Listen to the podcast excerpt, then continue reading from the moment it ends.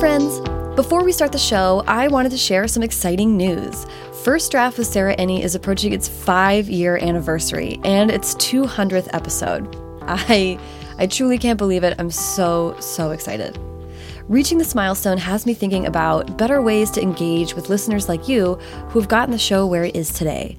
That's why I'm excited to announce the upcoming First Draft Listener Club, a premium membership community where fans of the show will get audio extras like longer, unabridged episodes of the First Draft podcast, including this episode you're about to listen to exclusive monthly newsletters where I will break down what I've learned about writing and life and podcasting from the last five years, and become part of an interactive member community to connect with me, your host, Sarah Enni, as well as each other like minded people who could talk about podcasts all day. Creating a listener club will not only keep the lights on, it will ensure that First Draft can continue to grow and evolve. There are so many amazing new things and people and formats that I want to explore with this show, and that will make that possible. To learn more about the First Draft Listener Club and to help us shape what that club will be, please check out firstdraftpod.com or the show's Twitter or Instagram at firstdraftpod. I'm going to be sharing that link all over the web, and I really, really want to hear from you, amazing listeners, to make sure that the membership club, the listener club, is everything that you want it to be. Okay, thank you for your time. Now, on with the show.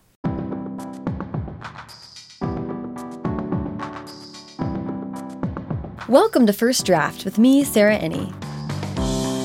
Today, I'm talking to Kate Spencer, comedian, essayist, and author of The Dead Moms Club, a memoir, and co host of the mega popular Forever 35 podcast.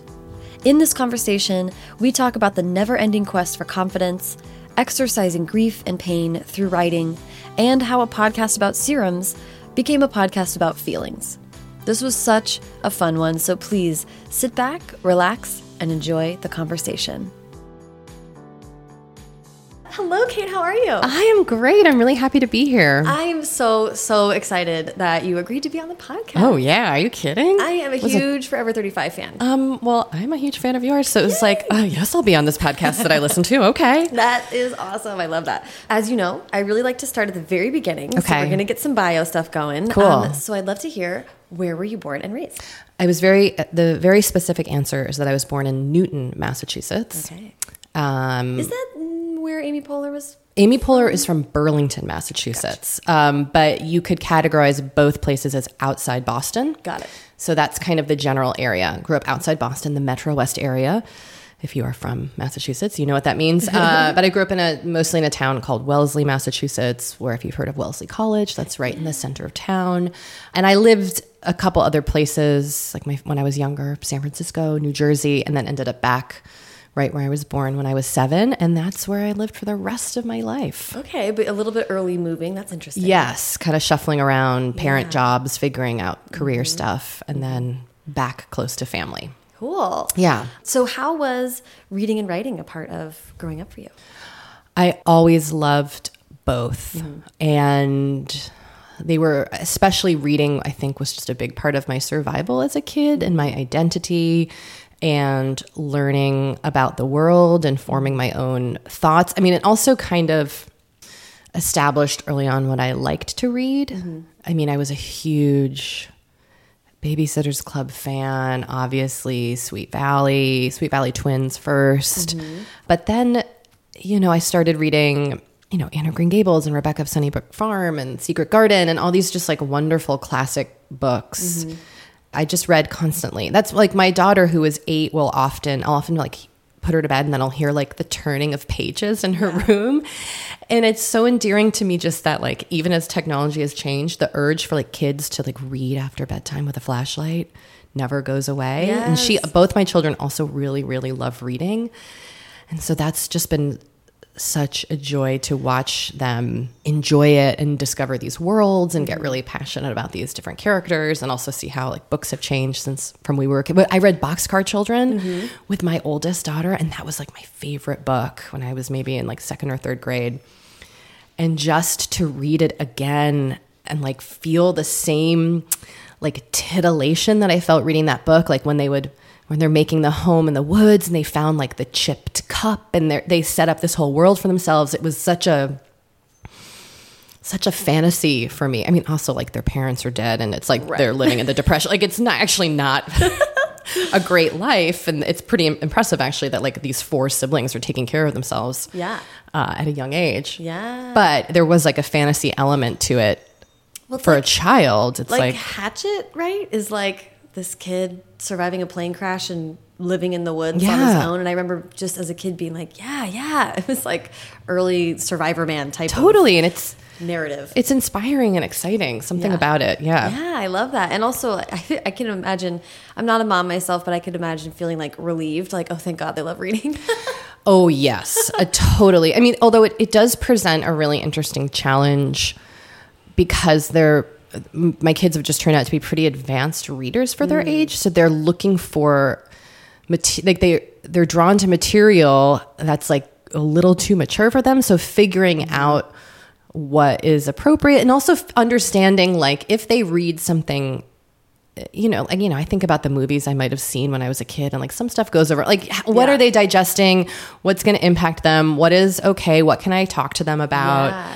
My oldest daughter loves these Raina Telgemeier graphic novels. Yes. and they're incredible. I now love reading them with her. So they, they're incredible, but they are like geared towards like they're about middle school, and my like Yeah, eight year old is just eight. like plowing through them over and over again. Wow, so, oh, that's yeah. fascinating. Yeah. Ooh, interesting. Yeah, I, I remember that too. Like, I think honestly, eight, like third grade ish, is when I was like, Fear Street, some Stephen King. Like, I went way overboard. Me too. I read it in elementary school, I Yeah. think, or m- maybe sixth grade. I was very young reading Stephen King novels, so I try to remember that when they're reaching towards stuff Right. that's really mature. Like I also did that. Yeah. V.C. Andrews. Oh, like, yeah, yeah, all these books that like I don't know where my parents were. Well, and then also to some extent, it was like I did not kn- like at the time. It was just like I Right. skated over that. I didn't get it. I didn't know like that part of it. I did not understand at all. Thank God. No, we. This is not about books, but I was very excited to show my kids Grease. Mm. and then I turned it on and I was like, "Oh my gosh, we can't watch this at all." And they were they they weren't seeing what I was seeing, so it's so, sometimes it's so hard. This is a challenge as a parent is so hard to know like what to consume with them and what not and Yeah. you know. Yeah, I don't know. it's It's, an ongoing thing. I'm sure I screw it up often, but Re- rediscover. It's like blasting through nostalgia by being like, oh crap. oh gosh, I mean, yes. If Yeah. you watch, you go back and look at a lot of the things that we consumed as children. They're incredibly problematic now. too. You realize, like, oh, yeah. But Um, the, look, oh, I was just gonna say, my daughter's very into the Babysitters Club Awesome. now, and so that is really wonderful. And she's learned a lot of. And that, that those were like my life, Mm-hmm. my freaking life. And so to see her be as consumed and then to like kind of talk about these different subjects like Yeah. divorce and diabetes and you know Claudia's grandmother died. Like oh, spoiler alert, Mm-hmm. everybody, these things happened in the Babysitters Club books. Um, that's been really cool. Like Mm-hmm. there is, you know, then you see the the power of Yeah. of reading and the way that it can, you know, educate them in an age appropriate way on really big things. and start conversations. that- Yeah, yeah. That's so cool. I love that. I love that Babysitters Club is still relevant. Oh, it's still relevant. It's still so good. And the aforementioned Raina Telgemeier, I'm probably saying her last name wrong, did Babysitters Club graphic novels that are incredible. And if you are like a purist, don't worry. They're, they're fantastic. So just get on board with them if you are. good. Yes, yeah, good. they're Have great. no fear. so I want to. I'm, I'm especially interested in how you came to writing because so much of your writing is really personal. You write a lot of stuff about your own life, personal Yeah. essays, um, and kind of reflections on culture through your personal experience. And I just want to know whether that's something that started as a kid, or or did you write fiction ever, or how did that kind of develop for you? I definitely was like in the, you know, a member of the newspaper in high school. Mm-hmm. I was very interested in political science. I've always been interested in nonfiction writing. Mm-hmm. But it was more that I was really interested in pop culture. Mm-hmm. And I think also coming from an improv comedy background where you oftentimes are drawing on your own experience or kind of playing things really grounded in reality, it just always felt very organic for me to write in my own voice mm-hmm. about things. And that's just where I ended up mm-hmm. more kind of after college. Uh, in terms of did I write fiction, I definitely I always very much enjoyed creative writing. Mm-hmm. I don't know if I really ever had the confidence to try to write fiction. So much of like my journey as a human is finding the confidence to do things. Mm-hmm. And mm-hmm. I'm almost 40 and just now trying to dig up the confidence to write fiction. Right. And it's a it's a slog. um, but it just always I've always enjoyed speaking in my own voice. I was a big like student government person all through uh-huh. middle school and high school and had to give a lot of speeches. And I found that very satisfying. Yeah. Which is, it's very funny to see how everybody is so personal in their experience of this Yeah. because public speaking and like improv comedy for some people would be like, they would rather jump off a bridge. Totally. It's a total nightmare for Yeah. most people. And I find it, and I'm, I'm actually pretty intro, not introverted, but shy. Mm-hmm. I'm very shy and nervous meeting new people, but I really do enjoy, I feel very comfortable like getting up and talking. Yeah. Yeah. Like that does not scare me. I actually really like it. Which- I mean, I'm nervous, but it's Right. not like, um, that's not what gives me a panic attack. Many other things give me panic attacks, but yeah. not that. Yeah. Which, which I think is fascinating. I have no idea where it comes from. it's, just me. Yeah, it's very cool. I mean, I think I uh, have dabbled in improv too, and and part of why I think I like that as opposed to like sketch writing or Hmm. something like that is that I'm like, well, I control what I say. Like, Yeah. I'll go on stage and I decide what's funny, and I decide how I'm going to present it, and that always feels like.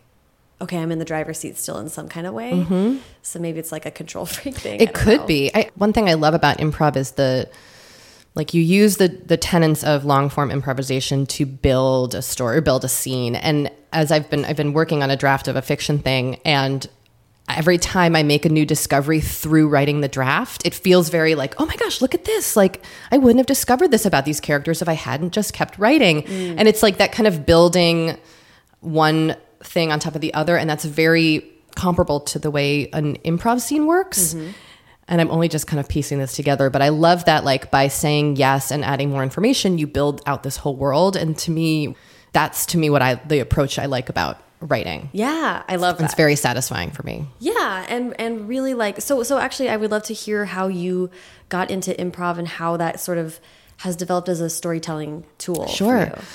I, when I graduated college, I, I had always wanted to do improv and comedy in college, and I had been too scared. This goes back to my confidence stuff. And so I didn't do it. Uh, I never tried. I, but I would watch our improv troupe and love it. And when I moved, I moved to New York direct immediately after college and got an internship and a job.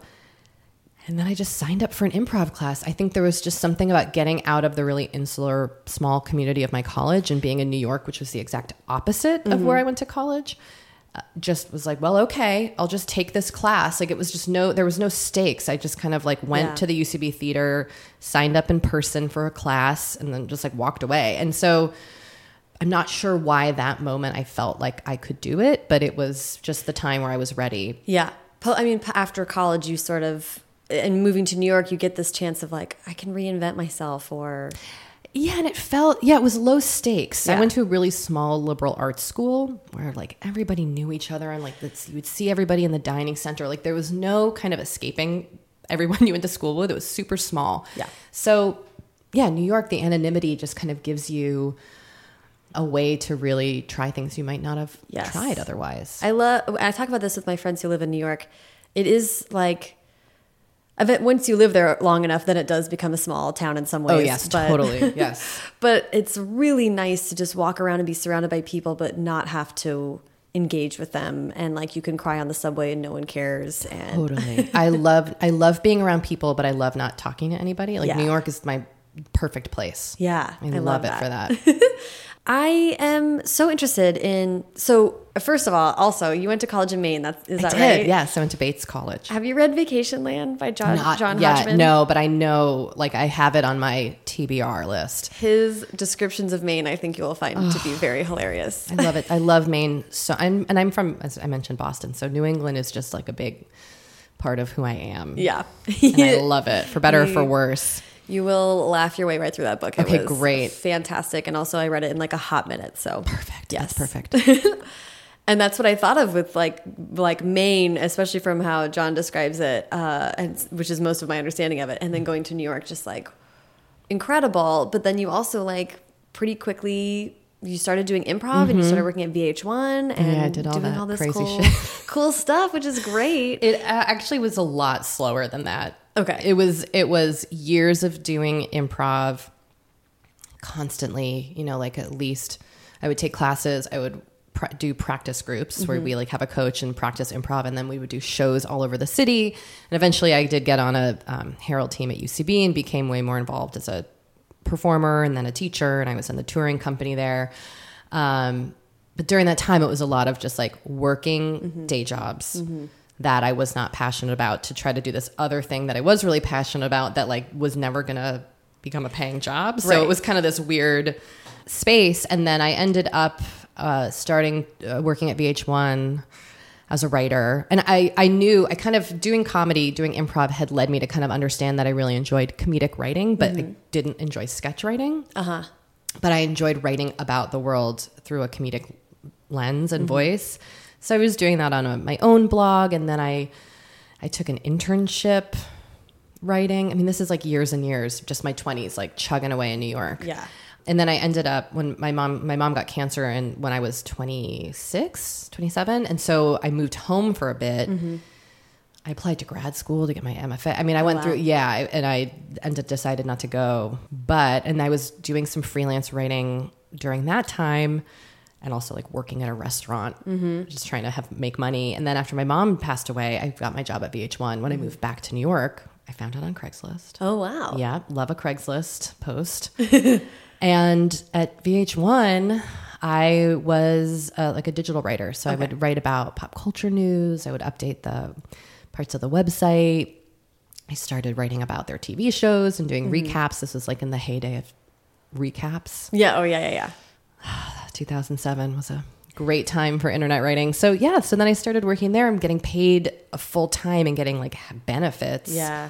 to write, which was such a gift. Like I cannot even to this day it was just like truly what a freaking gift. And I'm glad for past Kate that you did that instead of paying to go to an uh, MFA program. Yes, and it was a low residency MFA program.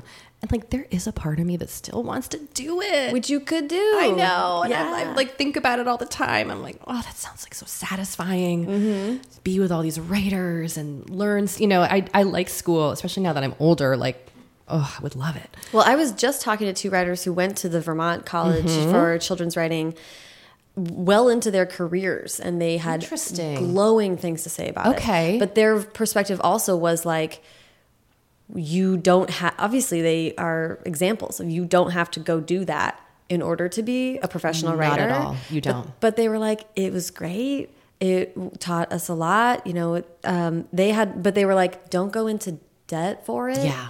But if you can do it, of course you will find all kinds of amazing resources and be connected to people. And yeah. So I'm here to support you to do that later in life when it's just fun. When maybe when I'm way older and my kids are on their own. Yeah, I mean, there's no rush for me in that regard, but I I do like the idea of just enveloping yourself in Right. the craft. Sounds delicious. Talking about books in that way again. Oh, with I would kill people? to audit like a 301 UCLA like literature class. Oh my gosh, I still think about the classes I took in college and like how much more I would appreciate them now. Oh God, yes. So I wanted so okay. This is really interesting because I uh, obviously I want to talk about your, the experience you had with your mom Yeah. being diagnosed with cancer. Sure, I all love away. talking about it. You've written a lot about it. Yeah. I, I in trying to kind of construct the timeline of your life from interviews you've done and stuff. Yeah. It now seems like maybe I was wrong about this, but I'm interested in how you think about writing about yourself, Hmm. maybe being changed by going through that experience. I mean, oh yeah, yeah. I you I I always knew, even when my when my mom was sick, and she actually used to encourage me to write about it, about my experience, and just being a caregiver with her. I it was always something I felt called to write about. I think especially because there was not much out there for me to consume whether it be like another person writing about their experience or books. Like, Mm-hmm. I definitely went to my local independent bookseller in Wellesley and tried to find books on grief or Yeah. death. And I, there's like a cup, there were a couple, but there just was not, you know, like a, whole shelf of resources. And that was very jarring. My dad passed away when I was 23. Oh, gosh. And my friend sent me like C.S. Lewis on grief Oh, yeah. or Oh, whatever that's that book. beautiful. Yeah. And it was beautiful and lovely, but I was also like, this is it. Yeah, and it kind of is. I mean, there are now, I think, more. I was able to find some stuff. There's one poet who I found whose name I still, uh, Taja Silverman, I believe her name is, is this beautiful poet who wrote ton about her mom ha- having cancer and dying. And she was home as a caregiver. And I just like Googled poems about grief once, and all mm-hmm. her work came up. And now I like have all her, her books of poetry. But yeah, there was just not there wasn't much so writing writing about it for me was like a little bit of just like hey there i don't know to write about this because Right. but also f- for me writing has always just been very therapeutic and i wrote a lot when my mom was sick i was like updating a website about my because i was fundraising for pancreatic cancer as a means of coping i think and having Wow. control over Yeah. that situation and so i've always written about it just felt very organic yeah. to do it Yeah. And I guess the reason that it stuck out to me was was relating it to my experience because that's what led me to, to start writing fiction was to cope. Mm. Yeah. But Wow. it, uh, well, uh, you and Dory were just on a podcast recently talking about writing and and you both named the books actually you were talking about reading as a way of self-care Mm-hmm. which i thought was such a great conversation what was that podcast called i forget was now. it our own podcast no it was lit, uh, re, behind the book or um, Oh, buy the book. by the book. Yeah. It was a really great conversation. Yes. So right after my dad died, I uh, read Twilight. Oh my gosh, wait. I think Maureen told me you and I have to talk about Twilight. Yeah. Do you know that also after my mom died, that's what I read? I, that's what you mentioned in this conversation, and I was like, I uh, yeah. I mean, it was two for me. It was two, I didn't. I don't think I read for two years after my mom died. I was just in such a fog. Yeah. And then I picked up Twilight. Okay, so wait. So your dad died. Yes. How soon after did did Twilight come into your hands? It was so so. My dad passed away in 2008, like the very end of 2008, and I was went. I thank you. I know. I know, you know. Yeah, I know. And, um, he was in San Jose, and I was in DC. Mm-hmm. So I went to San Jose for a memorial service for him. I was at the airport go to go to all night flight, red eye home, and had this copy of a biography of Andrew Jackson with oh, me Oh, gosh, that I was like, gee, I'll read this like a, you know, yeah, right. I know those intentions. Oh, where yeah. You're like, I'm going to read this. Yeah, then- it was like give yourself a break. Like Yeah. honestly, there was a moment of just being like, I can't, like I don't have to do this, which is I'm really grateful to Pastel for that. So I went to Hudson News, and it was the movie was like about to come out, so it was in paperback, and I was like, what is this thing? And I read it all on that red eye flight. And then you'll love this. There was it was like so I was the only one with a light on the whole flight. Of course, I was like a terrible fellow ah, passenger so it's worth it. flying through it, reading it. And then when I was sitting there getting my baggage, this woman came up to me and was like, Wasn't it great? She'd been watching me read it the whole flight. And she was like, I was so happy for you that you were reading it. And it I was mean- very cool. I- for me, my relationship with Twilight has really led me to kind of understand that reading is such an individual experience. And, you know, Twilight's not the most um, heralded, critically acclaimed book. There's a lot of, I think, really well reasoned issues with it. Yes. But for me, and it sounds like for you also, it was a, it was relief. It was such relief. And I I read it for work because we were covering these actors and I was like, what is the deal with these people? Like why is everyone so obsessed with this? Right. There had been a line once outside VH1 when I like just started working there. All these people were in these like Team Edward, Team Jacob shirts. And I was like, "What are you all in line for?" And they, the people were like, "To meet Stephenie Meyer, the author of this Twilight series." And I had never seen like people wrapped around a block to meet a writer For a book, yeah. for a book. So anyway, yeah, it was just a relief. And then I went balls to the wall into the Twilight fandom. Yes. I read every. I went bonkers. I read so much fan fiction. I wrote about them. I just was obsessed with the actors. Mm-hmm. It was so soothing to not be consumed by grief and be consumed by Twilight. Yes. I'll take it. I I, started uh, it really um, and I love I want to talk a little bit more about that in a second about the the fog of grief and and leading to your book because I related so much to how you talked about that and how I recently met someone whose parent had passed away about 6 months ago and they were like I don't understand like why I'm not like feeling better. And I was like oh no. It's like you are truly so early in like whatever you're about to experience. So I, I appreciate talking about like it taking years for things to like move forward in some ways. But but the twilight thing was like i went back to work like two weeks later and was just like what am i doing? You know i like i was not ready for any of that so i took my lunch break way later than everyone else so that i could sit there for an hour and just not be at work and just be in forks or whatever. Forks, Washington. it was a total dream, and then that is what made me feel like I think I think Twilight because it's such a mesh of truly immersive like you want to know what happens and also like non-intimidating writing style let's Yes. say it that way that i was like i think i could kind. do this Yes. Yeah. That's so cool. Yeah. I, I more like was like mad that I didn't come up with the idea. I mean, I mean, just it just seems so obvious. Like, yes, of course, a regular old person falling in love with a vampire, like, duh. but I mean, we I didn't think of it. Like, kudos to you, Stephenie Meyer, for creating that empire. Yeah. But I just remember that also kind of led me to feel like I can do this, and Yeah. that's why I started trying to write fiction. I have been trying to write fiction for almost ten years. Yeah. I have just never completed a draft. I have a lot of like 20 to 30,000 dang words Yeah, of yeah, things of different ideas that I just let die. Mm-hmm, Yeah, but that was the that was also kind of transformative for me of like I want to write. I want to make people feel the way this book made me feel. Exactly. Exactly, which I think you can do with nonfiction or other ty- Yeah. kinds of writing, which is cool. Let's get. f- I'm, I do want to cover like from from the VH1 days Sure. to then like like how your career transformed and you moved to LA before then writing your memoir. Mm-hmm. Sure. but lead me through how that was, what you were engaged sure. in. When I was at VH1, I came in as just a writer, Mm-hmm. and then I was there for seven years. So I mm-hmm. had I wore a variety of hats. I was a senior editor. I'm trying to remember all my titles. I think I eventually was a senior editor. I ran one of their verticals, focusing on entertainment and pop culture, and then in doing that during that time you know i had a kid and then my husband got a tv writing job here in los angeles mm-hmm. and we always knew we were going to kind of eventually come out here mm-hmm. Um, so we made the move and at that point my job at vh1 transitioned to uh, like a senior producer, still writing, but I was working with a different group with their news team, and I was doing on-air hosting Oh, wow. and on-air producing here. out here in LA. So, I, meaning I would go to red carpets, ask all the celebrities there a bunch of questions, write a script, you know, go through all the video content with an editor, and then write a mm-hmm. news, create a news package, and that would run on the network. So I was doing a lot of that, all the junkets. I mean, I got to do a lot of really fun, cool stuff, and also kept writing for the website.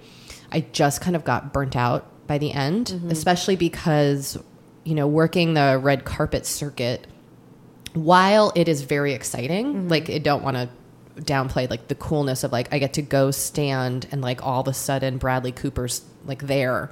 Right. and you're like hey do you you know like what do you what's up? You know you then you have to ask them a bunch of dorky questions. But you know i would work late nights. Sometimes we would have to turn video pieces around the next morning so it would be a lot of overnight work. And i just Yeah. i just got fried. I was just fried. Yeah. i was also kind of fried on entertainment. Yeah, I was gonna say, um, how did that? It just got to be a lot like it just was a grind Yeah. and i just kind of got tired of like having to sit down and write about who i, I know I, I, my interests were changing because my life had changed Right. so i stopped working there in 2014 and i became the editor-in-chief of a parenting website Yeah. that was called mommy-ish and i did not last long there i burnt out even more Oh, and then what was kind of going on. I had taken that job because i thought it would allow me more time with my kids.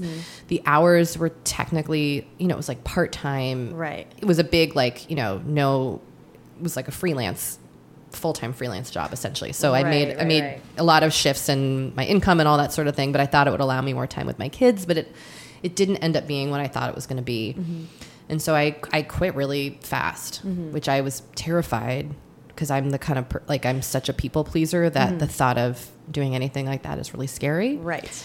Um, but what was happening is that my husband was about to start working on a new TV show, and we were going to need to get a ton more childcare because my job was way more hours than I thought it was. And I was kind of like, I got, can I, can I quit this and we'll figure it out? And we were very fortunate that we could survive on mostly his income. I ended up freelancing a bunch, but like, you know, it was he was doing the bulk of the work, and I took like a month and just like sat. I mean, because I had had two kids at this point. I had been, you know, I had worked full time through both my pregnancies, and then when my I went back to work when my both my kids were very young, full time, and I just was like, it was honestly really fried Yeah. and I felt like I'm working 12 hours a day and I'm not seeing my kids. Like, what am I doing? Mm-hmm. And we, I mean, and again, we're, we were very lucky that we had insurance through my Right. husband's work and that he was in a place where we couldn't like sustain ourselves. Like, Mm-hmm. Yeah. I, I see that I'm so grateful for that because most, you know, most people aren't in that position. So then I just kind of took some time off and figured out what it would mean to freelance write. Mm-hmm. And I started working on my book proposal. Ah. Okay, so that's kind of how. I knew like I really want to write this book, and I had known for a long time that I eventually wanted to write about it. It just was I was never re- it, I wasn't in the place where I could Right. do it. Yeah. And even when I ended up doing it, I still cried through like half of it. So and that was like almost nine or ten years out of my mom dying. So it's grief is no joke. yes. You know, if you're somebody who's listening, going through it, Yeah. It is a it's a forever thing. It really is. Yeah. It doesn't. Um, well, and then you've written more recently about like even letting go of grief. Yeah, I did write a whole piece on that. Yeah. Is another form is another thing to grieve, which is sort of where I'm at, and, Okay. and also at like ten year point. Mm-hmm. It was a lot of like, oh, I kind of feel like I'm ready to move on, and then you're like, you feel like Yeah. you're betraying. Totally, that person. Yeah, it's a killer. It's really. I'm like, no, oh, listen, I cry every fucking day about everything. I just bought a T-shirt that said "I cried today." I almost on my way here cried. Yeah. About something completely unrelated to grief. So it is like I am a safe space for oh, tears. Excellent. I appreciate. Yeah, especially just about loss. It's it never stops being painful and I feel like the longer you are from the event, the less the world allows you to kind of grieve. Yeah, yeah, yeah. and I don't know if that's American culture, but like we're just like this general vibe of like, sh shouldn't we all be over this? by That's like the the whole like over it like fallacy. I want to yes, say almost. it is a fallacy. feels very American. It feels very, and like I have been consistently going to therapy for three years, and it's Mm-hmm. and I I've told her out loud more than once, like, why am I not like over this yet? And of course, she just like laughs at me, and it's just like that's not how it works. But but that that's in our head too to be like, why am I not like moving on? It's not helpful. You know, it'd be so much if we could give ourselves a break to be in it yeah, yeah. that we probably would move on more quickly or more easily. I don't know. But it was interesting to hear you write about that because that was like something that I wasn't ex actually prepared for a little bit too. And I'm interested that that so it wasn't necessarily like something happened that you were like, I think it's time to write about my mom from the perspective of needing to write about it. It almost was more like you have the brain space. Yeah, I kind of always knew it was something I wanted to do. Mm-hmm.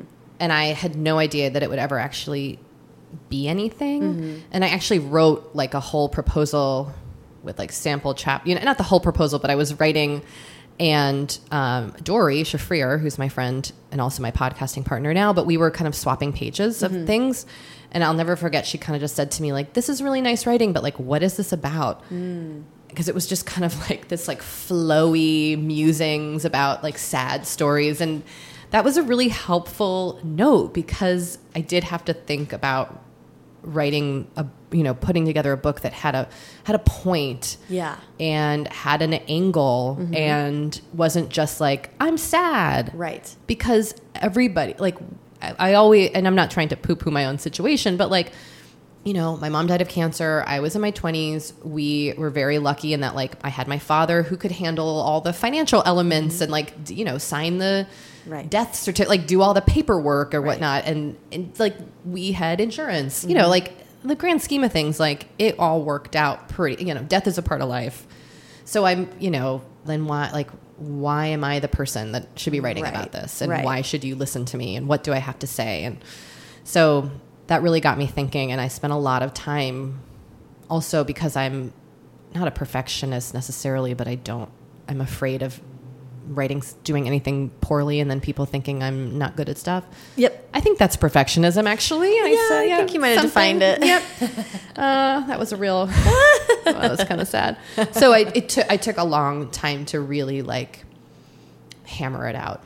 I'm so excited to talk to someone who's written a nonfiction book too, because I and memoir especially I'm obsessed with. I love reading that format, but I think it's so interesting to think about that perspective. Like when you are writing a book, you really do have to be like, what is who who am I to tell this story? What's my story to tell? What's the way in for people with it? I think that's really smart. Like from someone who's trying to say a listener who is like interested in writing about their own life, you do kind of have to have your take on something Yeah, I think and you have do. a, a what's like a thesis that you're defending in some way, shape, or form.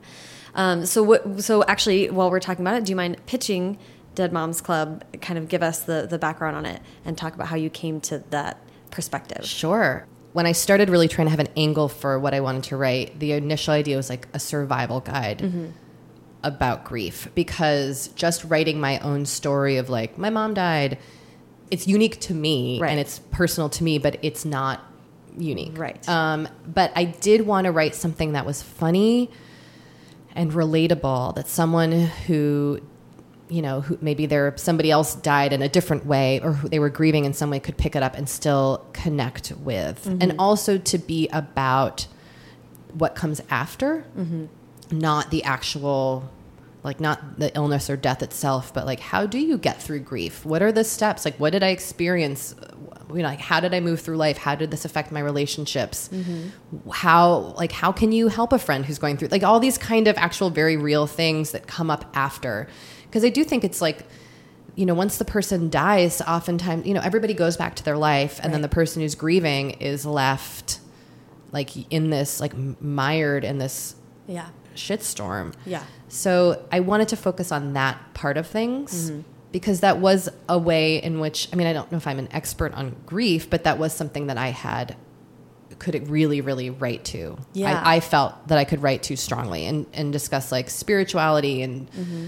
You know your how it affects your family relationships and you know a big thing I think that happens anytime someone loses a parent is that the other parent then starts dating or you know remarries or you know what does that mean for for you and how do you deal with that so I had kind of pitched it as a, or when I started structuring it, it was like a survival guide. I think I even called it the Dead Mom Survival Guide in my like really early drafts mm-hmm.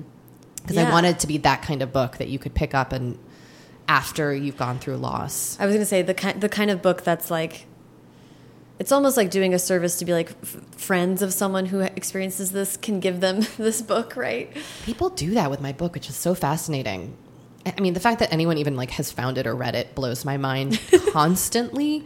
But um, yeah, and I'm I feel good about that Yeah. because it is just such a slog, and and you know, navigating navigating grief or loss of any kind is just freaking hard. Yeah. It's so hard and isolating. And in my experience, when my mother died, and I don't know if you had the same kind of experience, like most people I knew hadn't lost a parent, which was crazy as adults, but it hadn't really happened. No, you were only 27. Yeah.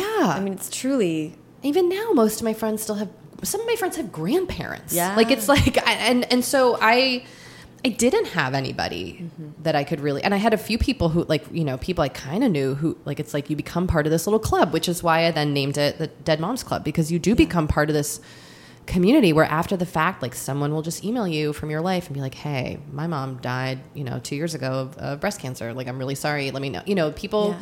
which is amazing that people look out for each other in that way. Yeah, I have another friend that went through this a couple years ago, and I was like, we weren't incredibly close yet, but I was like, just so you know, like the exact same thing happened to me, Yeah. and the, this person was the same age. I was like, you probably don't have any friends who are going through this, but you know, so you can talk to me about it. And it, it was really like. Because that 23 too was so 23 and 27. I'm just like, no, nobody knows, and also nobody's even like a fully formed person yet. Like No. everyone was bumbling around and messing up. and Totally. My brother was 23. Yeah. And it's like your 20s often you're just you're like selfish and you're Yeah. just trying to like make enough money to go out, pay your bills. Like you just don't aren't in that space, or at least I was not. I know some people have experienced immense grief and loss at a much earlier age, but Yes. I was so naive. I didn't realize it could happen. Yes. Yes, and uh, and then other people don't change the way you change because it happens No, to you and not them. And then I still talk to a couple friends that have that are in the club, Mm-hmm. uh, so to speak, and we still sometimes will. I'll turn to my friend and be like, "I'm having one of those moments where I can tell that this person I'm dealing with has never had something on that scale happen in their life, and it's difficult for me to talk to them right now." And she's like, "I get it." Yeah, Sometimes I have to check out of conversations totally. with people. I totally get that. Yeah. Um, that's been one of the ways that grief continues to play out in like a more calm, like, oh, that's what this is. I'm so frustrated, but it's not about them. It's about me. And I'm, I can't help them in this moment because I, my perspective is so different.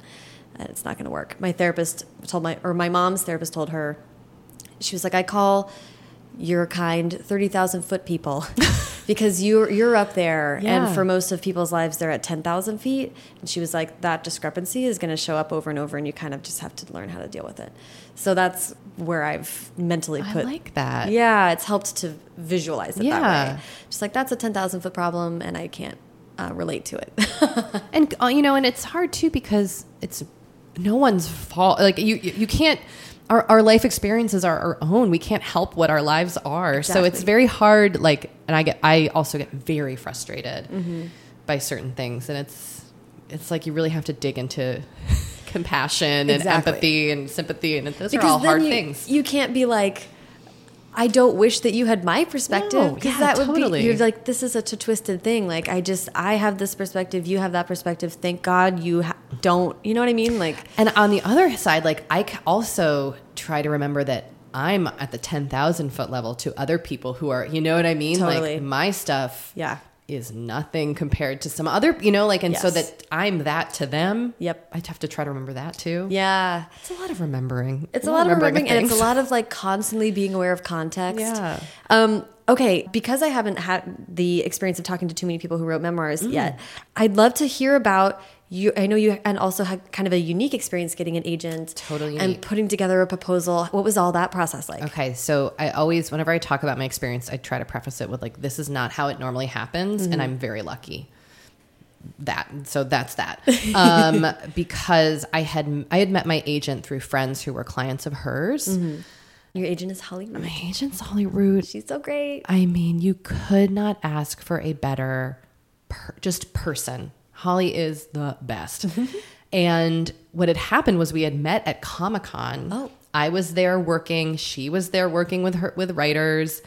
Mutu- her clients who were my friends introduced me to her. We found out we lived three blocks away here in Los Angeles, and we had both moved from New York. I was gonna and- say she's also a New Yorker. Yes, like we had a lot in common, and so we just started getting coffee and chatting. And you know, she knew I was a writer, and so she had always very kindly been like, "Hey, whenever you have a thing, mm-hmm.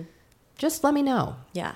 And I let that sit for a long time because I didn't have a thing for a long time. And then I, when I was doing, I did my book proposal, and I, I had kind of mentioned to her like I'm writing a proposal, and actually, weirdly, as I was doing that, a couple other.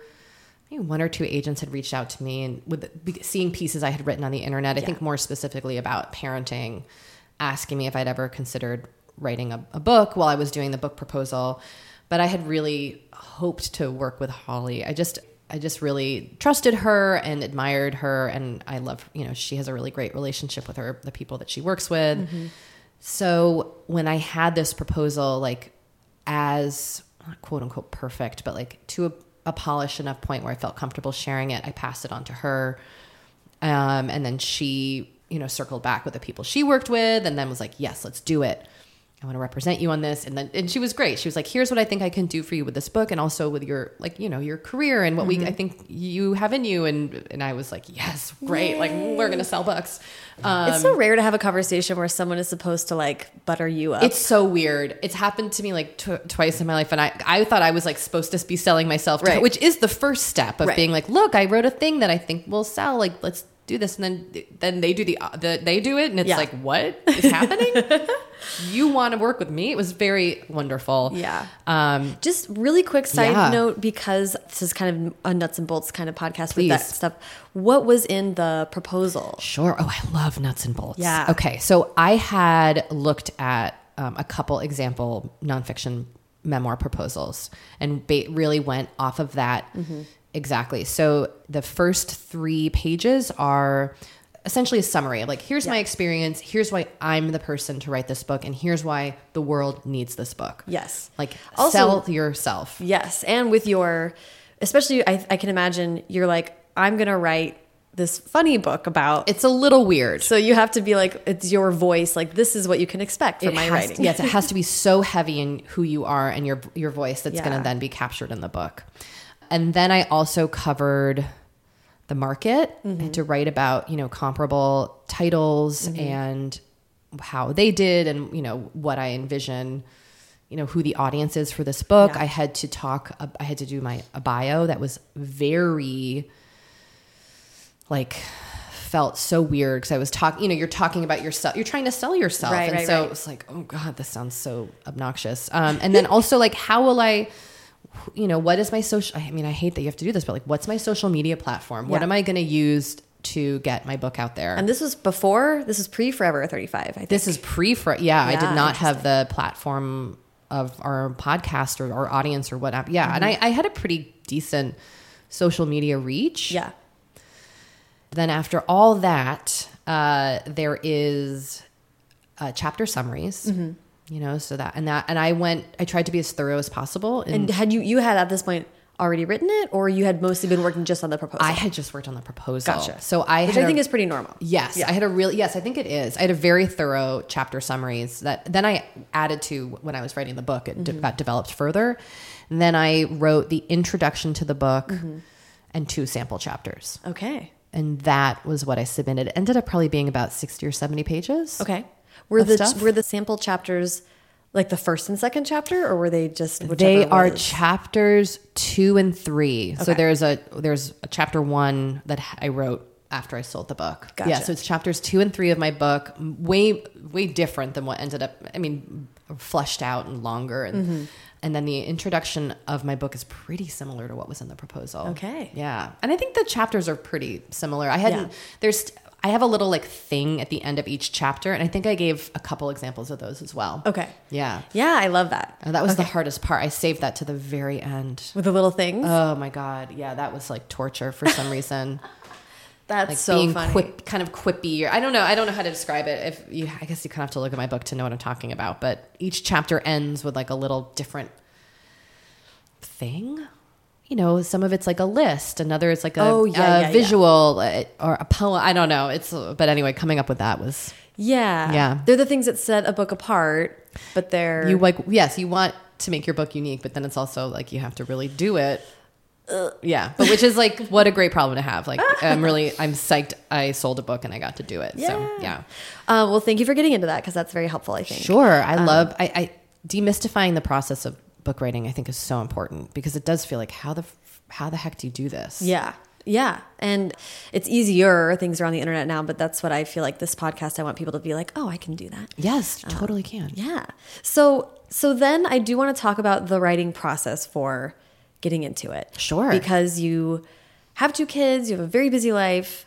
I, were you freelancing at the same I time? was freelance writing at the same time. Yeah. But that is not a full time job. So I was very lucky. My kids were, I think in, they would be in a preschool. One was in kindergarten, one was in preschool. So I think I had from like nine to two or nine to Okay. three every day to do my work. And then Your work and all the things you need to do when your kids aren't home. That's fair. Yes. uh, there was a lot of that. And, you know, my husband and I share when he's right now, he's been out of the home for work for a while this year, but, you know, like he, we really split responsibilities pretty evenly, mm-hmm. depending, you know, his work schedule sometimes t- get, leaves him with like, you know, he's like at work for 18 hours a day kind Yeah. of situation. So, yeah, we, I, I would write, I, I set up, how, how did I do this? My chapter summaries really helped mm-hmm. Outlining is really helpful. Yeah. For for me with nonfiction. For me mm-hmm. with fiction, I do not outline. I'm a mess. But I'm still learning who I am as a fiction writer. Mm-hmm, mm-hmm. But the chapter summaries were incredibly helpful because I knew what each chapter was going to be about. You'd kind of given yourself an assignment. Yes, it was great. Right. It was like this book proposal really told me what I then had to sit down and do. And then Holly had gone over the proposal with you. So at this Oh yes, had she and I had revised it. Yeah. We had submitted it. Yeah. but it was hard to sell. Yeah. and I had very naively like when she had signed me and we were and we started to go out in submission. I had gotten a little too confident, and I thought I was going to be like. People are going to be vying for this book, and I'm. It's gonna like I had this vision. you bought the champagne. I kind of did. I got way ahead of myself, and I don't know why. Hmm. Maybe because you know everybody reads like the one story of the person who sells their memoir for like two million dollars. Yep. And you don't read the many other stories of the infinite other stories. yes of rejection of not a lot of money. You know, like mm-hmm. the reality versus like the one person who very you know er, earns the dream Yeah. whatever. So it took a while to sell. I got mm-hmm. a lot of really lovely rejections where people were very kind and liked it and it got you know at some stages it got a little farther than others but it was not easy. Mm-hmm. People were like what? I don't know who's going to buy a book about a dead mom. Interesting.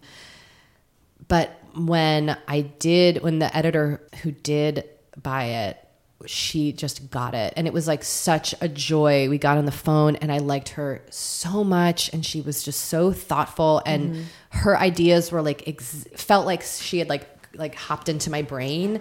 But better, you know, like she had all like was thinking of really cool things that I like had never thought of, and so it was just wonderful. Yeah. I had a really positive experience with Good. my publisher and my editor and everybody. I mean, it was just all really great. And Yeah. they were really supportive and wonderful.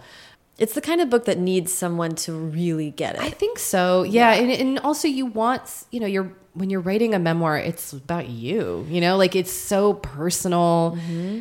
and it's weird that you're then like writing your story and just gonna sell. I mean, it's just kind of a weird experience. So yeah, so I was very, I feel very lucky, you know, and very grateful for the team I ended up working with at Seal Press on my book. It was just really great. Yay. They were really, yeah, it was wonderful.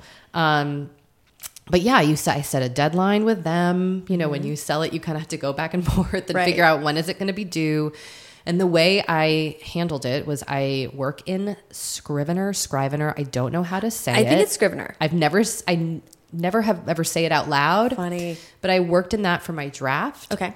I set a deadline. My book was due December 1st, my first draft. I set a deadline for myself of October 1st to Mm-hmm. have, I think I came away with like 50,000 words written, like a very basic draft. And then Mm-hmm. I gave myself two months to revise it. Smart. I like that. And I, and I handed it in on time, but I'm such a, I'm so used to working on deadline because I came from a digital writing background where Yeah. we were churning out content Yeah. and having, yeah, that I, that this idea of going over your deadline did, never even dawned. I didn't even know I was allowed. Right. And in that software program, it's a really great writing program that some people love, some people hate. For me, it worked really well drafting. Mm-hmm. And there is a, you can set yourself a deadline, a word count deadline. And a little box will come up and it's like, you know, 988 words. If you want to get to 50,000 words by this day, you have to write this many words per day. And you can really make it very specific. And that's what I did. Yeah. And I'm doing that now Mm-hmm. with this fiction draft I'm writing, but because I don't have like an editor sitting there waiting for it, Mm-hmm. I'm not as hard I'm not not nearly as tied to it as I was. I was I was pretty diligent with my memoir draft. I had a couple things happen while I was writing. I, my friend passed away and then the election happened all right around when my book was It was due. December 1 of that year. It was 2016. And so I had a really a good friend who passed away at the end of October and then like 2 weeks later was the election and I was I was a mess. And and I there were like there was like a couple weeks where I just didn't work on it and I had been very luckily given myself enough time, which was a miracle because I'm a procrastinator and a last minute everything. well, all evidence of the contrary. But Well, just with this book, it was somehow I, I was able to like not work for a week and just sit and cry over things. well, yeah, I'm, I'm sorry to hear that. That's really It sucked. It Yeah. really sucked. But it was, uh, I was back in grief. It was really interesting, actually, writing about my mom and losing a friend to cancer and get, being back in grief and being like, oh my God, this is it again. This garbage. It's it's so shitty. It just sucks so hard. So it was it was you know, it was it, it was what it was. I don't Right. yeah. There was a lot kind of going on externally while I was trying to write this write my Yeah. book. But Well, that was also part of my my part of what I was thinking about was that this can't have been easy to write about. It wasn't. I did a lot of crying, which was really weird. Not weird, but I would just like sit there and wail and like talk to my mom, like my mom's ghost. I mean, it was mm-hmm. like, and I work in my garage. My gar- our mm-hmm. garage, it's like kind of half turned. It's still very much a garage, uh-huh. but it is kind of half turned into an office. So I would just be there alone in my garage with my dog, wailing. You know, it was very isolating and weird but therapeutic. You know, Yeah. by the end of it, I was kind of like, I never, I don't need to to talk about this any anymore. You know, like there's Yeah. a there, I don't have like a big, you know, like Dead Moms Club Facebook group, and I don't Mm-hmm. go out and. Sp- I mean, I would if someone wants to call me up and have me come speak about Dead Moms. I'm all for it, but I think I just could. I I just was like tapped out of, of Yeah. grief and my own like experience, and it kind of for me was like the end not the end because it's ongoing but writing the book was and again not closure it's the wrong word but it it kind of was like the i don't know i, But I left it yeah i was able yeah. to move past it a little bit after putting it all into pa- paper and then putting a cover on it Right. Yeah. And I think you said in, in another interview that you started seeing a therapist again during that process. I did, but it was like all about I like went thinking I needed to talk about writing the book and then I just talked about my disordered eating the whole time. Oh, well, there you go. It was really fun. Like it wasn't funny, but I thought I needed a therapist to like process all the mom stuff and then I just every time I went I was like I hate I hate myself and I hate my body, I have all this body dysmorphia. And then also with my friend dying during that time, that was coming up a lot. Mm-hmm. Whatever it takes to get you in the door. I mean, right? Yeah. I was there dealing, and and it's. I'm glad I started dealing with that stuff then because now I'm dealing with that more in therapy now. So it was obviously Oh, I went thinking like, well, it's all about my divorce, and like that barely comes up. it's fascinating, right? Yeah. And Yes. and you know, for me, when my mom, I wrote write about this in my book, but I kind of developed really bad disordered eating after my mom died as like a coping mechanism. I think so. It does all relate. It's Mm-hmm. Yes. all connected. But it was interesting that that is what popped up for yeah, me. Yeah, that is interesting. I mean, I'm glad that you were had a safe place to talk about Yeah, that. me too. Yeah. The but but that is something that struck me. I talked to um, Elana Arnold, who's a really really talented writer um, who lives in Southern California too, and she wrote three books in a row that were like a, a Printz uh, honor book and a National Book Award finalist that were about they're about feminism. They're about like sort of very on the verge of violence, just like really women dealing with like being a woman in angry and intense ways. That they're wonderful, wonderful books. But then after writing the third one, she said, "I kind of feel like I did it." Yeah. Like she was like, I, I worked through my stuff, and I think now I'm ready to move on and talk about other things. Wow. And and that's what what strikes me when you're talking about. It's of course you'll never be done with. It was your mom. It's your life. Yeah. But you wrote so many independent pieces about your mom leading up to it, and then possibly writing the book is like, well, I've said what I need to say now. I mean, I have had people ask me for like a pitch on grief or mother, and I, I'm kind of at the point where I'm like, I don't think I have anything new to offer. Mm-hmm. You know, like I really appreciate even being asked, but I'm kind of in a space where like I don't have anything else to say right, Right. now. Right. like I don't. I've said it. For my experience, I feel like I've said everything I can kind of say about this experience. Which is the point of a book, right? I hope so. Yeah. I mean, and th- that isn't completely true. Like, I think new things do come up a lot in terms of my own grieving process. Do they warrant a, more writing about it? I don't think so. Like, it's Mm-hmm. almost more now like, I'm just gonna, I'm just gonna deal with like, think Yeah. about it on my own for a little bit. Yeah. And do you feel like, I mean, obviously, in some way, I mean, just as an outsider looking in, I'm like, oh, then it's sort of maybe cleared a room for you to explore fiction. I mean, for I love. I'm working on a novel that's a romantic comedy because that's what I like to read. That's what I I live for. I love romance writing, and so that is where that's the next thing that I want to do. Even if nobody ever sees it, I just want to try to complete something. Yeah. More because I have struggled so deeply with even understanding how to write fiction, mm-hmm. like arc, plot, character development, story. I don't know any of this stuff. Like I'm such a newbie. I might as well be like a freshman in high school taking their first writing class. I mean, I, I truly like. I just it's not what I've ever learned.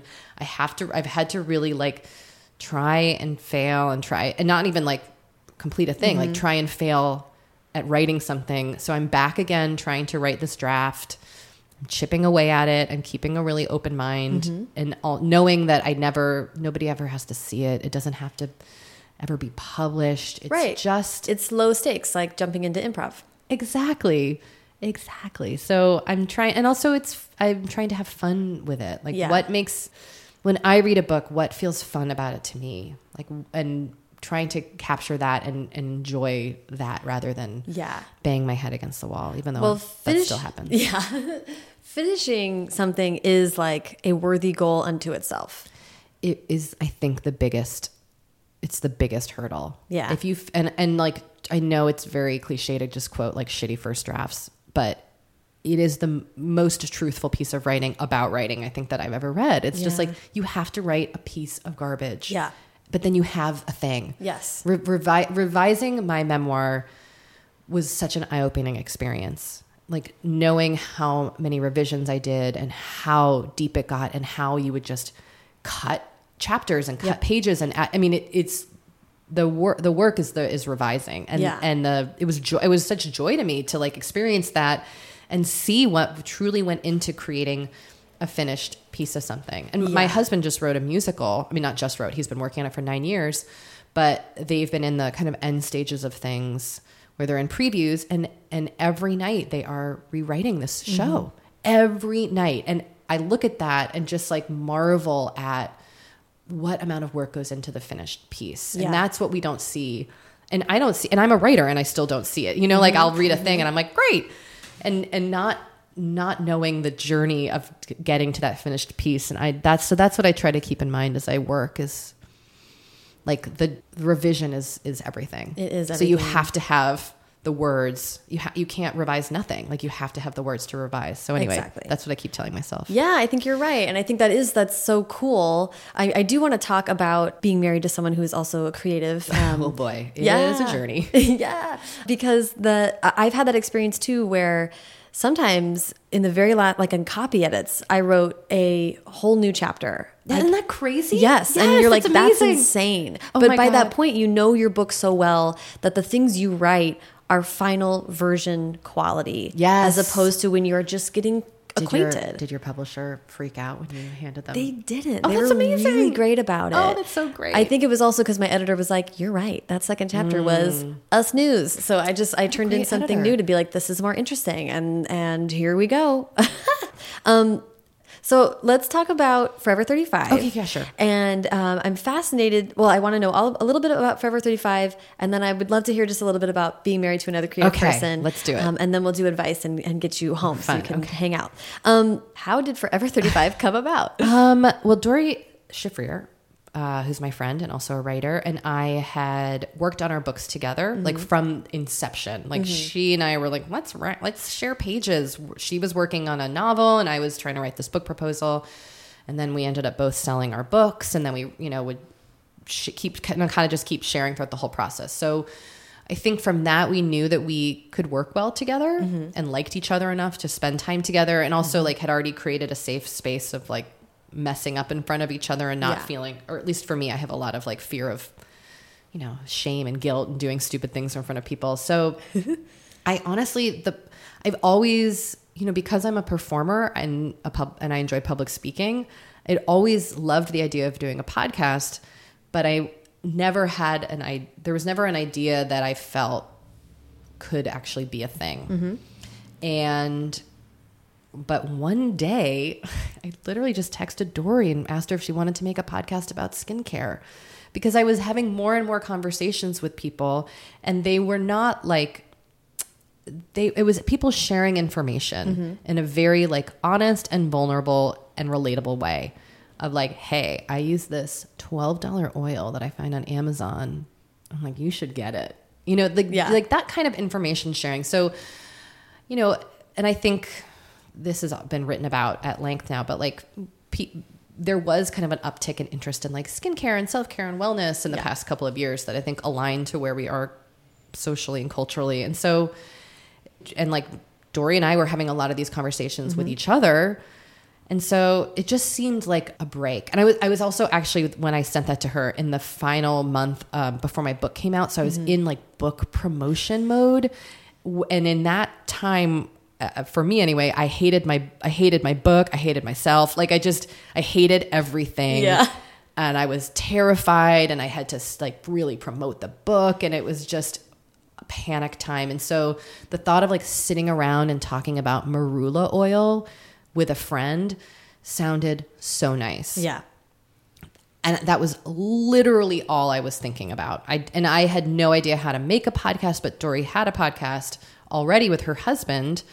So she knew the the business, like Yeah. the logistics of it, what we would need, and was just so Doree's just savvy. Like I just mm-hmm. find her to just know how like she knows what needs to get done and executes it. Mm-hmm. So, you know, she's like, we'll probably need a producer and we're gonna need this and we'll need to record in this kind of space and like we should have guests and mm-hmm. and had just like great concrete thoughts about like what actually it would be.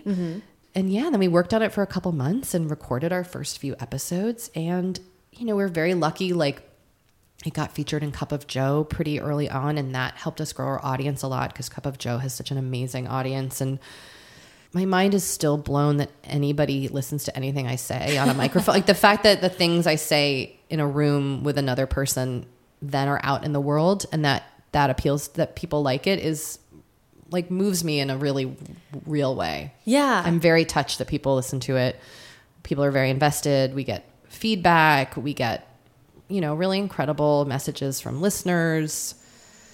It- It's been, it's like, I, it feels like a real privilege to get to do something like that. So Yeah. I'm very, and also like we're very lucky that we are, you know, we have advertisers on the show now, Mm-hmm. so we can put some money into it. And it's been really fun. yeah. Yeah. I think been you can tell that you guys are enjoying. it is still fun Yeah.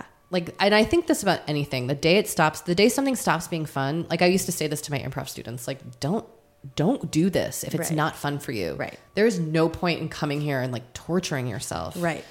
and then of course like a podcast about skincare has turned into like a podcast about like feelings and you know our human nature and evolving and i mean Yeah. it's just it's become a lot more than what i ever thought we were going to talk about Which is, it was really cool. I mean, like, because that's the thing. Uh, is if it was just about skincare, I don't think I would continue to engage with it. I would have I would have run out of things to talk about because Yeah. I don't I'm not like we say we're not experts about these things like Right. we're really not. I don't know anything But I think about that skincare. I think it's really like Forever 35. I think it's about everything in the way that when we were all talking about serums or the Korean nighttime routine, we were really talking about Totally. so much. so much more, more. about how how to care for ourselves and and and it is really interesting because it all feels very obvious the idea Mm-hmm. of self-care but we hear from people all the time who like it's really hard for people to make time for themselves Yeah. between work and having possibly having a family or being involved in your community like it there's oftentimes we're the first to, to go Yeah. Oh, yeah. Yes. in terms of like where we are on the you know the checklist of things to care about Yeah, and there's something kind of indulgent about like this is something that's expensive or it Mm-hmm. can be, and also you buy stuff that doesn't work and i mean that is a whole pain in the butt Yeah. and and i and i think ultimately what you know what, I, what i've come to understand about self-care is it's not related to money it's about value like having seeing yourself as worthy of care absolutely yeah.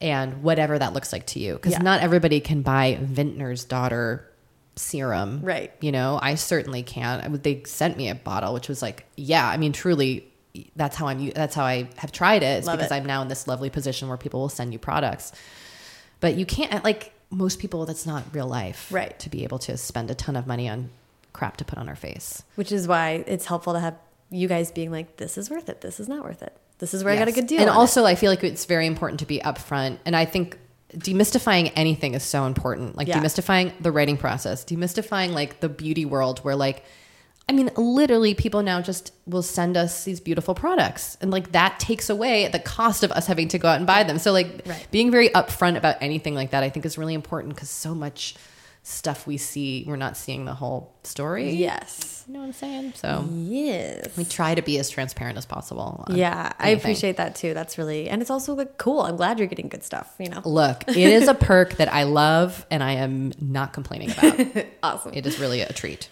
I'm curious about you've done so much in your life of writing about yourself. I feel like you put yourself out there in ways that, uh, again, I think transparency, you're pretty transparent about your life and experiences, motherhood, all that good stuff. Now, the podcast is like another avenue to do that. It's so weird. Do you feel like, I mean, again, this is just like an outside observer, armchair psychology Yeah. thing, but I was like, she must be, it must, in my mind, is so tied to you finally being able to explore fiction because you get this opportunity to really talk about the stuff that you care about in a way you always have via this other medium. Totally. Yes, that makes sense to me. Mm-hmm. I mean, armchair it up. I that does make a lot of sense. Yeah. The thing for me is that talking about myself, and this will just make me sound like a wonderful narcissist. Like that's always been easy. I'm. I don't mind sharing vulnerable things. Yeah. I mean, a little bit. I am like I've talked about hemorrhoids on a podcast, but what was gratifying about that is is then all these people wrote in and were like, I thought I was going to have to live with hemorrhoids forever, which is what I thought. Yeah. you know, like so it is. Talking about very personal things is also really wonderful when it when someone connects with it. Yes. On Call Your Girlfriend, they walked through an OBGYN appointment. Oh my god! And it was just like The they I'm best. just like that's so demystifying. That's so like yes, I've had that experience. Yes. How do you talk to your doctor about what makes you comfortable? Like all of that was so huge. so helpful. So I so it does kind of give me now the space to be like, what if I made people up, made them mm. like banged them together like dolls? You know, like I don't like what if I did that? But I find it very hard to just create things out of thin air because so much of what I'm comfortable writing about is based on something I already know, Yeah. you know, and know very well. I mean, that is so interesting though because that is improv. Yes, it's very confusing, right? Yeah. Then it, it all everything all kind of like it sinks together in the end. Yeah. I think hopefully. I mean, it's it's like that. That was possibly like an avenue for you to do the thinking and creating, and it is different when you're coming up with a character for yourself. Yes. to portray on a stage. That is different than like this character who's going to move and walk and talk on their own. But I, I love that you kind of have always been engaging with it in some way, shape, or form via performance. Thanks. Yeah. That makes me that feel really validates Yay. what I'm trying to do uh-huh. because, you know, most of the time I walk through life like I have what am I doing? Why do I think that I can do this? What is this? You know, Yeah. the, the self doubt is real. Yeah, it is real. Very but from the outside, it feels like all the blocks, Thank everything's God. moving You know, together. as long as I can fool everybody into thinking I know what is happening. you're doing great. great. That's very validating. I do want to ask about just about. I, I believe your your husband's name is Anthony. It is. How did you guys meet, and how has it been to grow as creative people? in we your met together. doing improv. Love it. We met at the UCB Theater in New York. He saw me in a show. I saw him in a show. It was like very dorky. Uh, and then we ended up performing together on teams as we when we were dating. And you know, our wedding was filled with comedians, and it was wonderful. It's been really. I am like so proud of him and who he is creatively. He's a really t- smart, talented writer mm-hmm. and director and performer and all these things. But another thing I really admire about him is that he's incredible. He just does the work. Mm-hmm. He does the work. He sits down and he does it.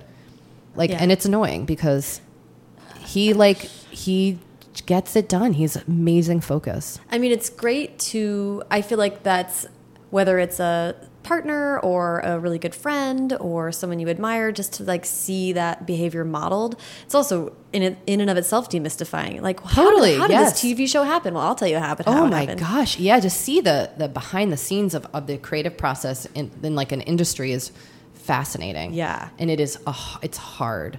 Uh, and you know, like the other thing with him is like whenever he gives me notes on stuff, like we don't work together. Mm-hmm. Like we've never collaborated really on a project, and I think that's probably for the best. I think we would end up divorced. we just Mm. Yeah, are. Di- we're very different. I'm super sensitive. He's very straight to the point. Mm-hmm. I'm kind of like wishy, not wishy washy, but like very in my feelings, and he's very pragmatic, and like so I think we we do best supporting each other. Yeah. And being Marriage, yes. Coworkers, no. yeah, I really don't. I, I don't think I would. And I have friends who work with their partners all the time, and I, I think he and I work best as like each other's number one cheerleader. I love that. So, so you you see his work, he sees your work, or do you kind of okay? Oh no, like he read first draft of my book. My dad read my. My dad gave me notes on my book. I mean, I had my family read everything. Anybody who I like mentioned heavily, I made sure I had their sign off. Mm-hmm. But my dad gave me really great. My dad used to, you know, read my papers in high school, and my dad was a writer. That's what he wanted to be when he was in college. Wow. Okay. And then he he had like a newspaper column. I mean, in like 1969, it was a real thing. But he ended up working like in finance because he had to make money, and you know he had gone to co- to the the school that gave him the best scholarship was like a business college. So that's what he got trained in. But he's a great writer.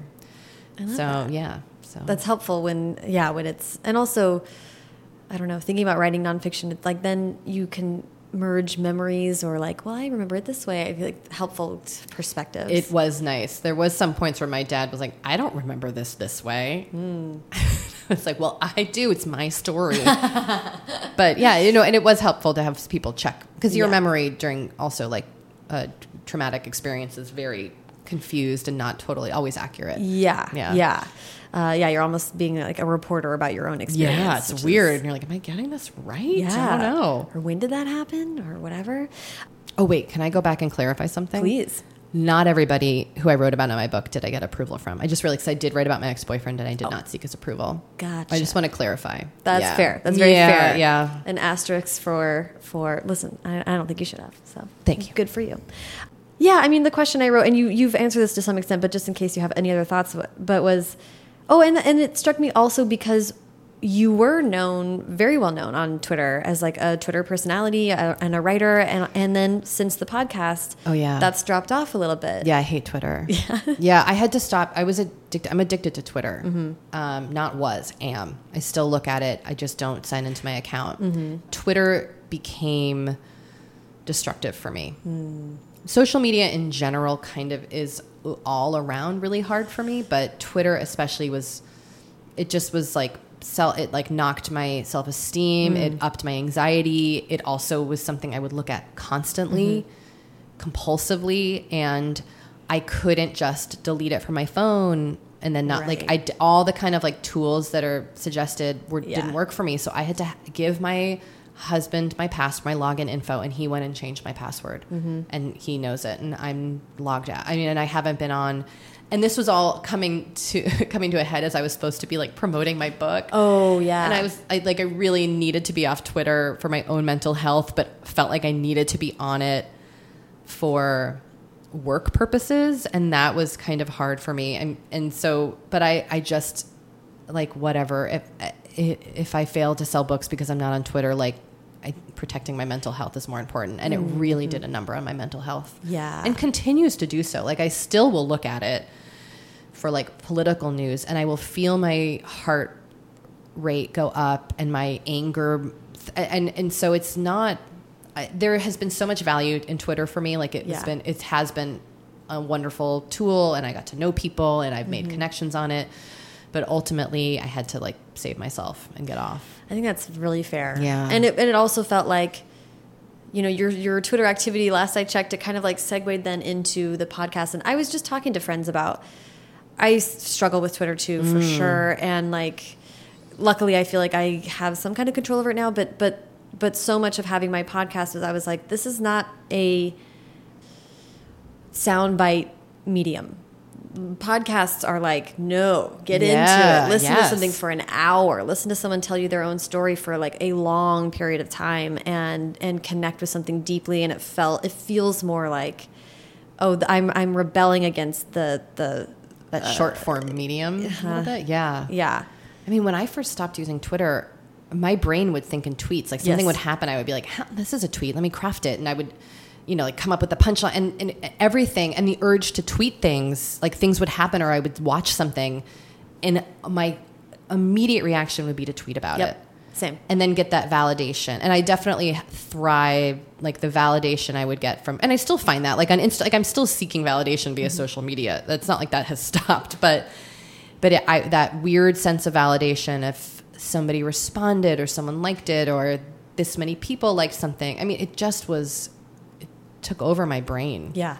That was when I kind of was like, oh, this is a problem. Was Mm. when something would happen, I'd be like, How, what am I going to tweet about this? And it was like, I wasn't reading to the end of any news article. I wasn't like engaging with anything. I, I was like, I don't even understand what's happening in the world. And the number of times I had to say, well, I didn't read. I just saw the headline. was so embarrassing. Yeah, that happens a lot. Yeah, that I was like, I feel I have to stop. Like, and you react to the head like you have a full body reaction and then you aren't getting the full story i mean it's and it's not anybody's i don't think it's the individual's fault it's like the the, the platform is and kind of just how we're consuming things now is Yes. So you have to like consciously rebel against it. Yeah. But, and listen, I'm here for, for Doree's book about Silicon Valley. Like I have all these things. Oh, it's about- so good. I mean, it's great. But uh, the villain in my book is uh, his name is Rake Bermkazerg, which Oh is an my God, I anagram could- of Mark Zuckerberg. oh god i mean talk about villains I know. hopefully mark zuckerberg will not hear this but boy is he You know what, Mark? I hope I know listening. he cares about what uh, we have to say to writers in LA. Um, oh my gosh. Okay. Well, I could talk to you for a million years, but we're gonna wrap up for for Okay. now. I would love to wrap up with advice, and I guess I, I mean I would just love to hear advice for someone who is maybe trying to write with humor, or maybe someone who's interested in writing about their own life. If you have any kind of helpful tips or maybe boundaries that people can put up when they're engaging in something like that. Oh, that's so interesting. I mean, I think I feel like the most important thing that I strive for, which hopefully I accomplish, is just being authentic mm-hmm. and with humor. And this is something I've learned through improv is like trying to be trying to be funny. Like the way we think we have to try to be funny is not actually funny. Humor comes from real experience, shared real experiences, like mm-hmm. seeing, identifying something in somebody else and seeing a piece of yourself or something that you can identify with. I think that's where the humor comes from. And mm-hmm. humor to me is also in the specifics, which is another improv thing, being really specific in your choices. Oh man, it's so and it's so effective in fiction. And yes, in I'm, any I- kind of writing. I'm but- learning that. I mean, it really, it really is being so specific and detailed in your experiences. Even though it feels like only you will know what they are, it makes them. The more specific you are, the more universal things are. I think so. That that has been really helpful in my in writing. Mm-hmm. Yeah. about my own experience. In terms of boundaries, Yeah. Mm-hmm. I think punching up is really key.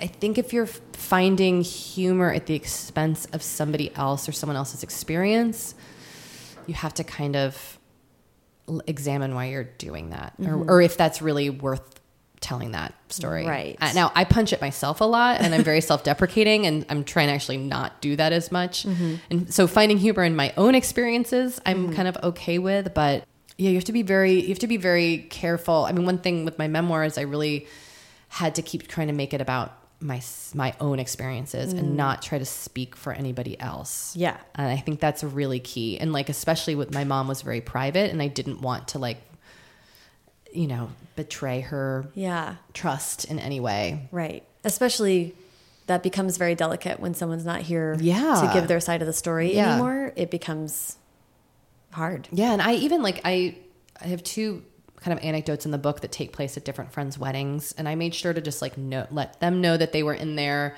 Again, like the only person, uh, not the only person, but one person who I did not check in with was an ex, and in that situation, I felt like I was really just telling my experience, and I and the more I revised it, the more I tried to be open to what his experience was in the situation and I still struggle with the fact that I included that in my book, but it was something that had caused me so much pain and my grief that I felt like I had to talk about Kinda it. gotta do it. Yeah. And there, there's some therapy in that too, right? Like Oh, uh, big time. Like I felt like I got it all out, and if I saw him, I'd be like, "Hey," whereas like I'm sure he's like, "F you," you know. I, I mean, I don't, I don't take that lightly, bringing other people into your Mm-hmm. story. But like the the all you can do is share your own, be truthful to your own experience. Yeah. you cannot speak for anybody else's. And also, like, what's that uh, thing about if you don't want to live forever, don't marry a writer? There's some like, there's a lot of like quippy things about like Yes. just don't cross us.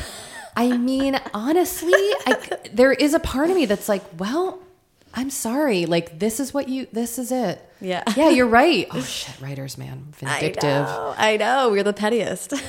I mean, I'm not wrong. There was this quick story, and then and then I will. I promise I'll let you go. But I was just talking to this writer, Cat Winters, who wrote a book mm-hmm. about Edgar Allan Poe, and she said Poe had this chief rival who, after Poe died, his rival wrote his obituary and then the very first biography about him, oh my and that's gosh. why we know so little about him, and he's been like kind of skewed from the set.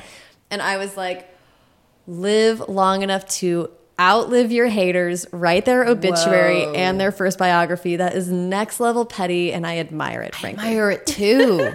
but holy crap. right? I was like very gratified to have that knowledge. Oh my gosh. And I'm immediately Googling that when I get home because that's fascinating to me. Yeah. I am really fascinated he had that. a great name too, and I don't remember what it was what it was now, but but anyway, so she said that, and I was like, oh, I'm storing that one away, remember that. right? Kate, this has been such a delightful This been so conversation. fun. I'm so grateful for you um, for coming over. Thank you so Oh, much. please. I'm so happy to be here. Thank you so much to Kate. Follow her on Twitter and Instagram at Kate Spencer and find Forever 35 at forever35podcast.com and anywhere fine podcasts are downloaded. Follow me on Twitter and Instagram at Sarah Enni and the show at First Draft Pod. There are links to everything Kate and I talked about in this episode in the show notes available at firstdraftpod.com. If you enjoyed the show today, please subscribe to First Draft wherever you listen and leave a rating or review on iTunes. And don't forget to go to firstdraftpod.com to get more information on the First Draft Listener Club. If you sign up to get more information now, you will get the chance to shape the club from the ground up. If you are one of the people still listening all through the credits, I especially want to hear from you. I want to know what would make you excited about um, extras and what kinds of stuff you're interested in hearing about from me or from other people. So please check that out. And bless you for still listening. Haley Hirschman produced this episode. The theme music is by Dan Bailey, and the logo was designed by Colin Keith. Thanks to production assistant Matthew Selznick and transcriptionist at large Julie Anderson. And as ever, thanks to you, careful nurturers of grudges, for listening.